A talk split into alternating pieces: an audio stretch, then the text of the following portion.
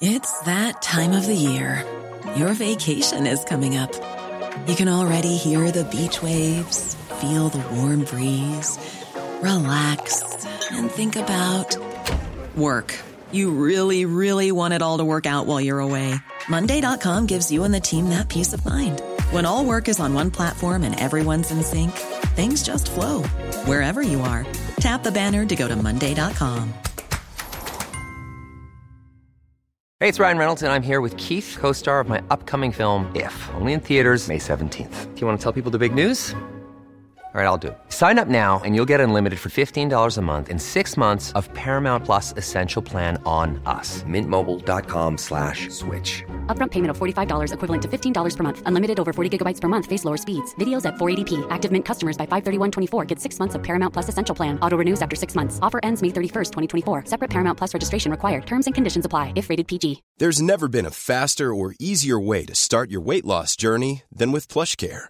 PlushCare accepts most insurance plans and gives you online access to board-certified physicians who can prescribe FDA-approved weight loss medications like Wigovi and Zepbound for those who qualify.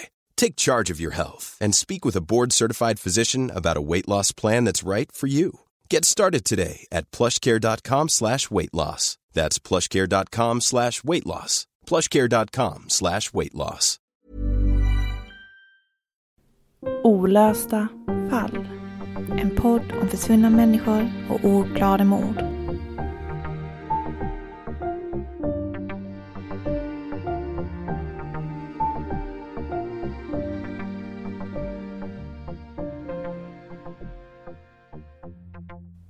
Solen skiner. Du är sen. Du försöker få din bror att skjutsa dig, men han är upptagen. Du går med raska steg mot bussen. Flöjtlektion idag igen. Du vänder dig om och ser ditt hem för sista gången.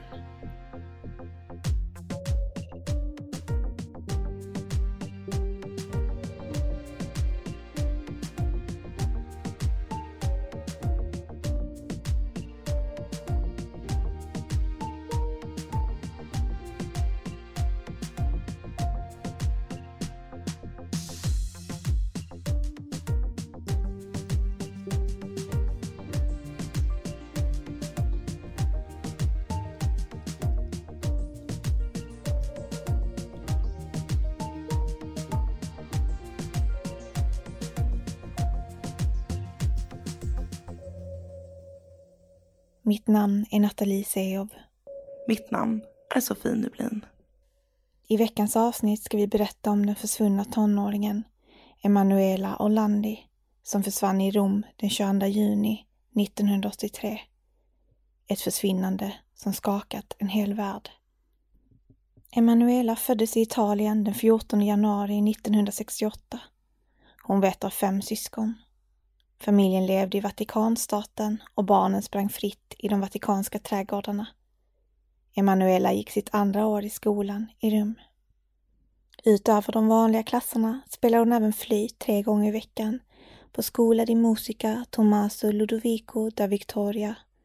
Hon hade stort musikaliskt intresse och var även med i den vatikanska kören Santa Anna dei Palafrenieri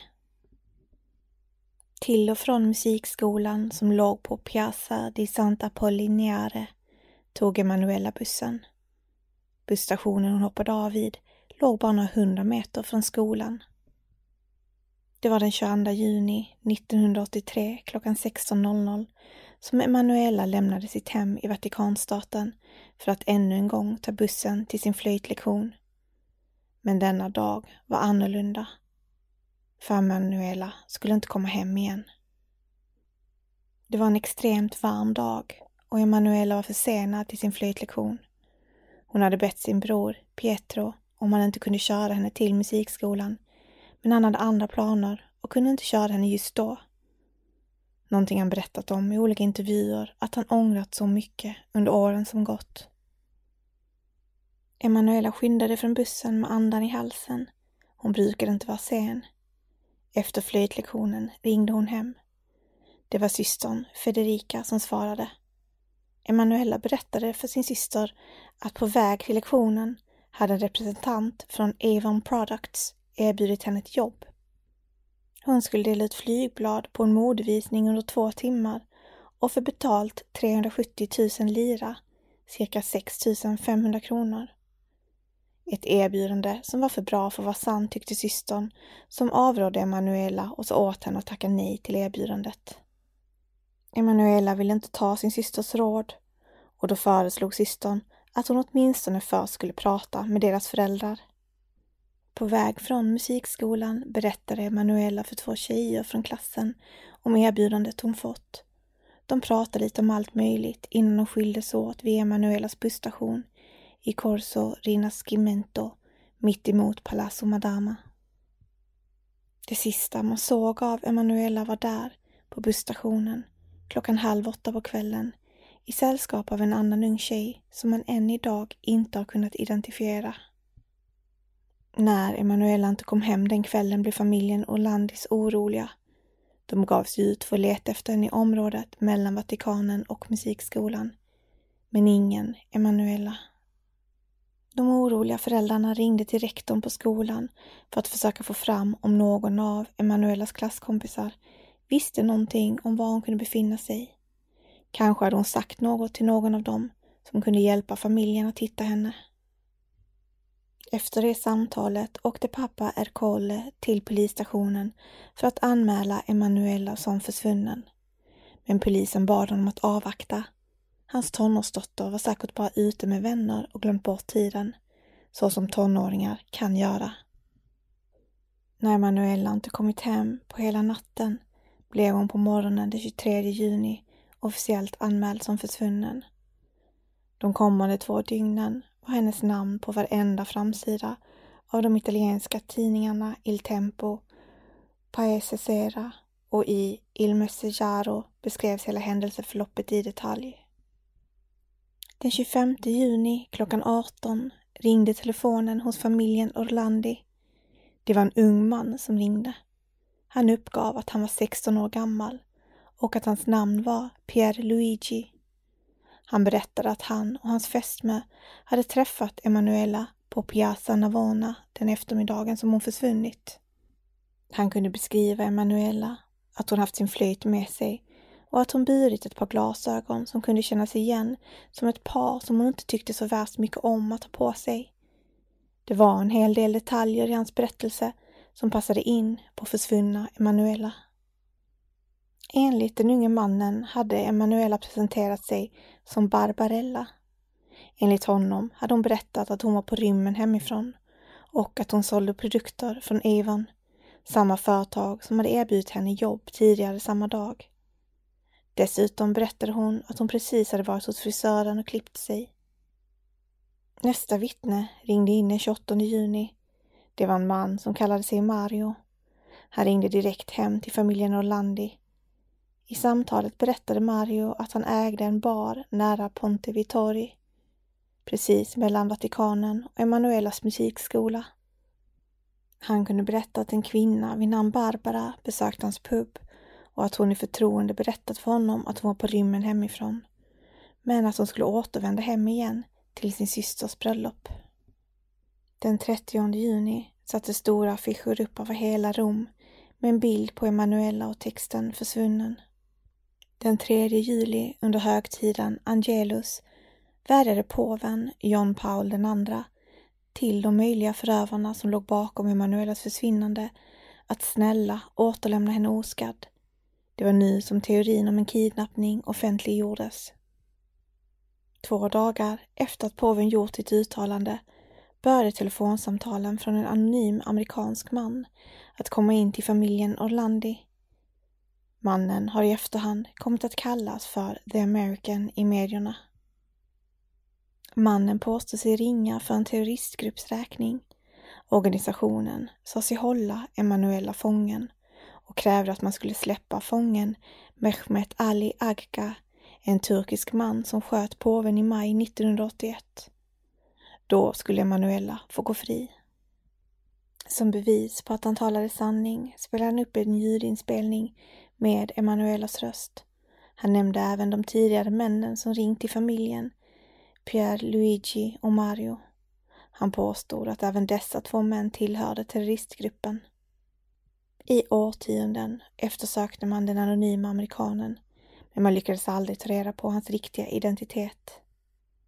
Dagen efter amerikanens samtal till familjen kontaktade han även nyhetsbyrån Agencia Nacionale Stampa Associata, ANSA, och krävde ett utbyte mellan Mehmet Ali och Emanuela. Han krävde att påven skulle delta i ärendet inom 20 dagar. Han påstod även att det skulle finnas bevis för att han hade Emanuela i fångenskap. Dessa bevis skulle gå att finna i en papperskorg på det allmänna torget nära det italienska parlamentet. I papperskorgen fann man sedan en fotokopia på Emanuelas skolpasserkort tillsammans med en handskriven lapp från den kidnappade flickan. Den 8 juli ringde en man med en brytning som skulle kunna vara från Mellanöstern till en av Emanuelas klasskompisar. Han berättade att han hade Emanuela och att de nu hade 20 dagar på sig att släppa Mehmet Ali fri för att rädda Emanuela. Han bad också om direktnummer till kardinal Agostino Casaroli, Vatikanens sekreterare. Den anonyma amerikanen ringde sammanlagt 16 anonyma samtal från olika offentliga telefoner. Have catch yourself eating the same flavorless dinner three days in a row? Dreaming of something better? Well, Hello Fresh is your guilt-free dream come true, baby. It's me, Gigi Palmer. Let's wake up those taste buds with hot, juicy pecan-crusted chicken or garlic butter shrimp scampi. Mm. Hello Fresh. Stop dreaming of all the delicious possibilities and dig in at HelloFresh.com. Let's get this dinner party started. Hey, it's Ryan Reynolds, and I'm here with Keith, co star of my upcoming film, If, only in theaters, May 17th. Do you want to tell people the big news? All right, I'll do it. Sign up now and you'll get unlimited for $15 a month in six months of Paramount Plus Essential Plan on us. Mintmobile.com slash switch. Upfront payment of $45 equivalent to $15 per month. Unlimited over 40 gigabytes per month. Face lower speeds. Videos at 480p. Active Mint customers by 531.24 get six months of Paramount Plus Essential Plan. Auto renews after six months. Offer ends May 31st, 2024. Separate Paramount Plus registration required. Terms and conditions apply if rated PG. Cool fact a crocodile can't stick out its tongue. Also, you can get health insurance for a month or just under a year in some states. United Healthcare short term insurance plans, underwritten by Golden Rule Insurance Company, offer flexible, budget friendly coverage for you. Learn more at uh1.com.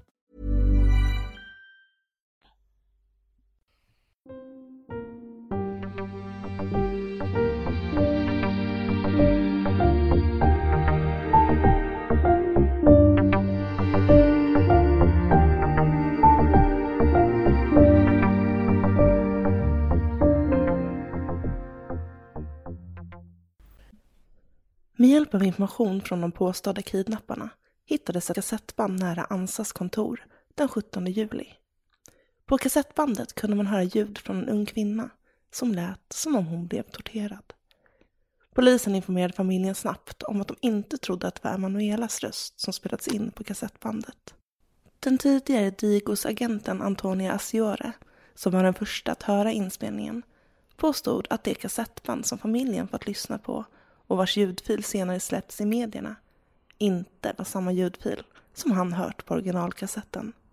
Han påstod att kassetterna måste ha blivit utbytta, för i det kassettband han hade lyssnat på hade man även kunnat höra en mansröst i bakgrunden.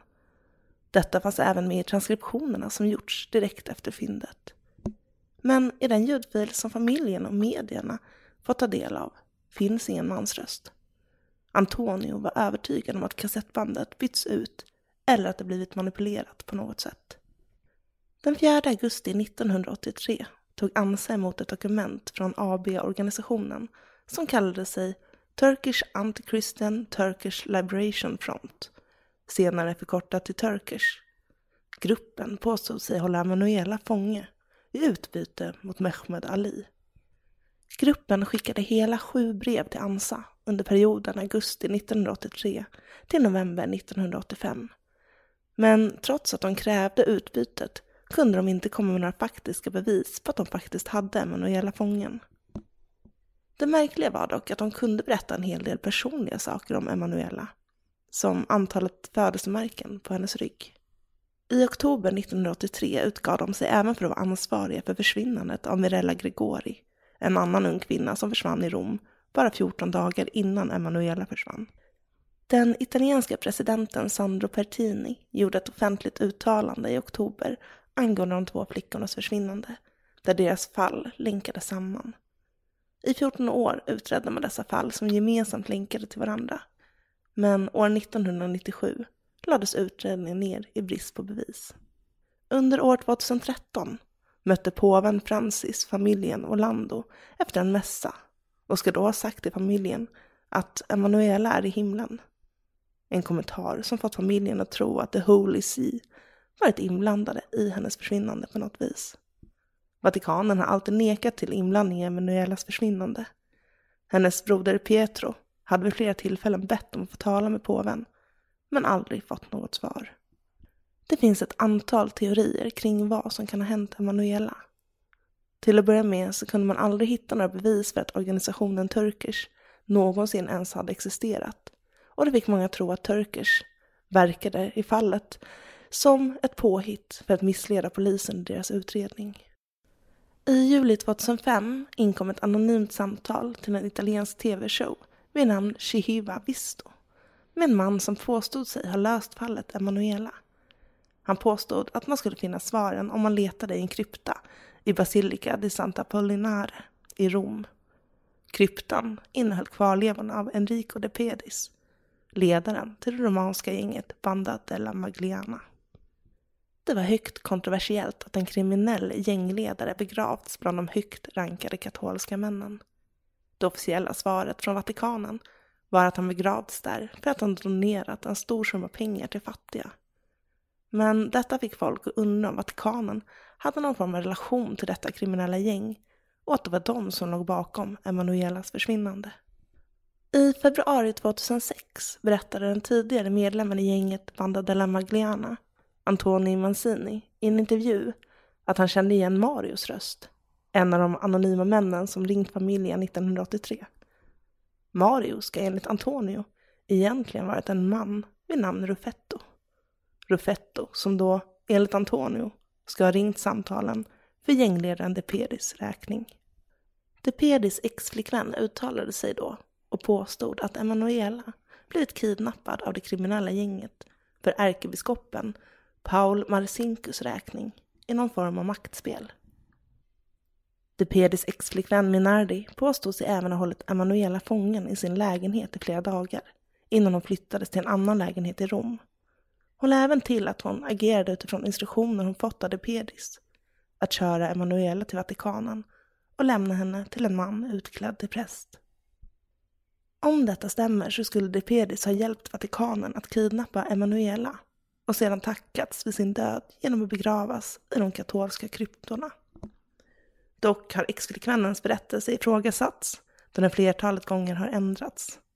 Hennes historik av drogmissbruk har även den påverkat historiens trovärdighet. Skälet till varför Banda de Magliana påstås ha kidnappat Emanuela skulle kunna ha att göra med en stor pengatransaktion som ska ha gjorts genom en bank i Milano, Banco Ambrosiano.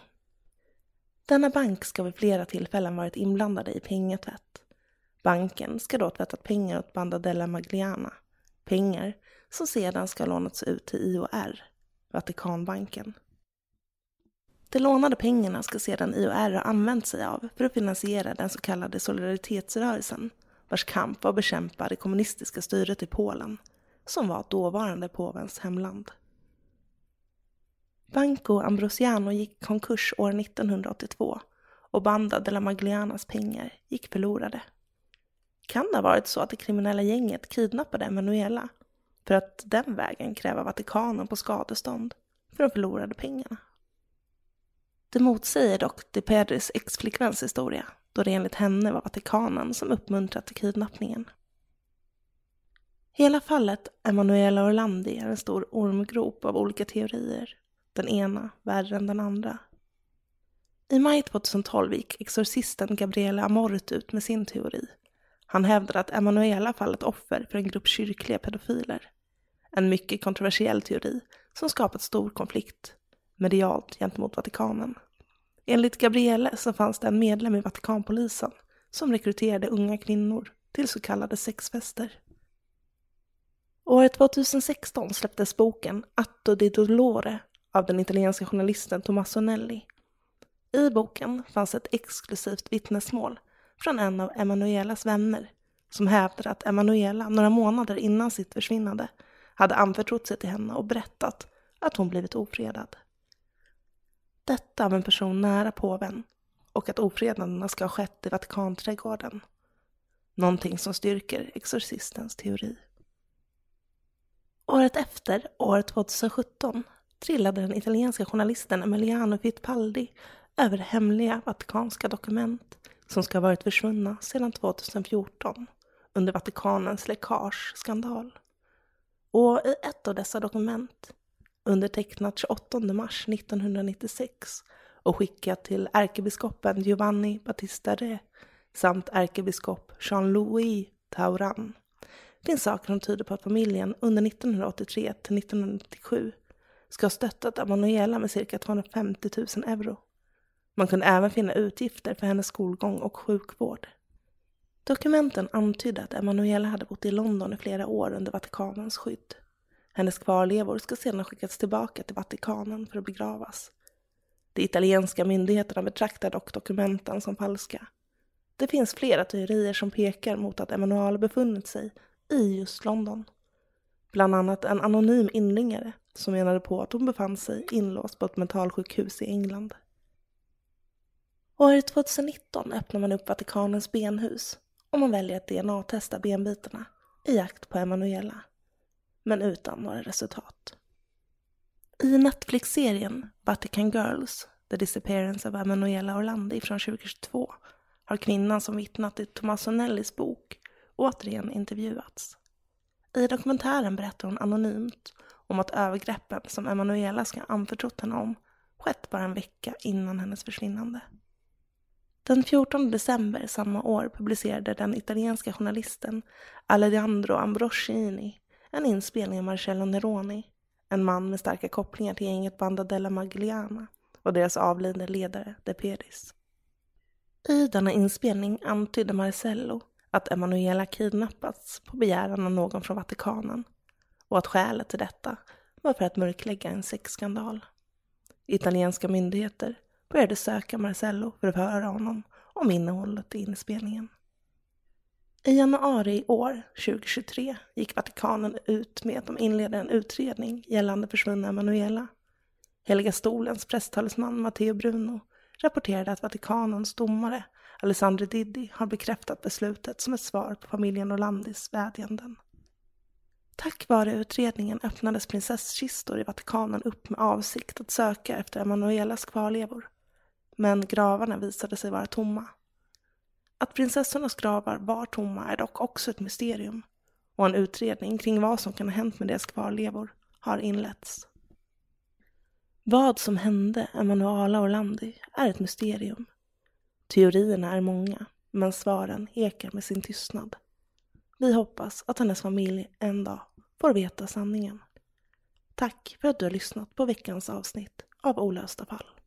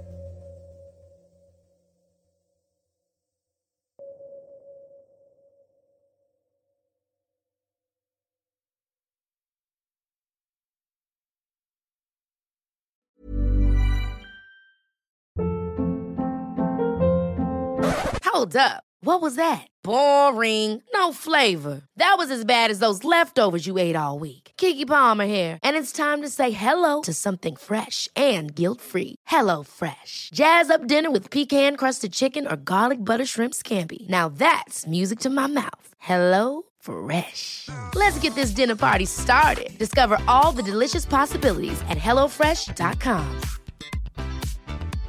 Imagine the softest sheets you've ever felt. Now imagine them getting even softer over time. That's what you'll feel with Bowl and Branch's organic cotton sheets. In a recent customer survey, 96% replied that Bowl and Branch sheets get softer with every wash. Start getting your best night's sleep in these sheets that get softer and softer for years to come. Try their sheets with a 30-night guarantee. Plus, get 15% off your first order at bowlandbranch.com. Code BUTTERY. Exclusions apply. See site for details.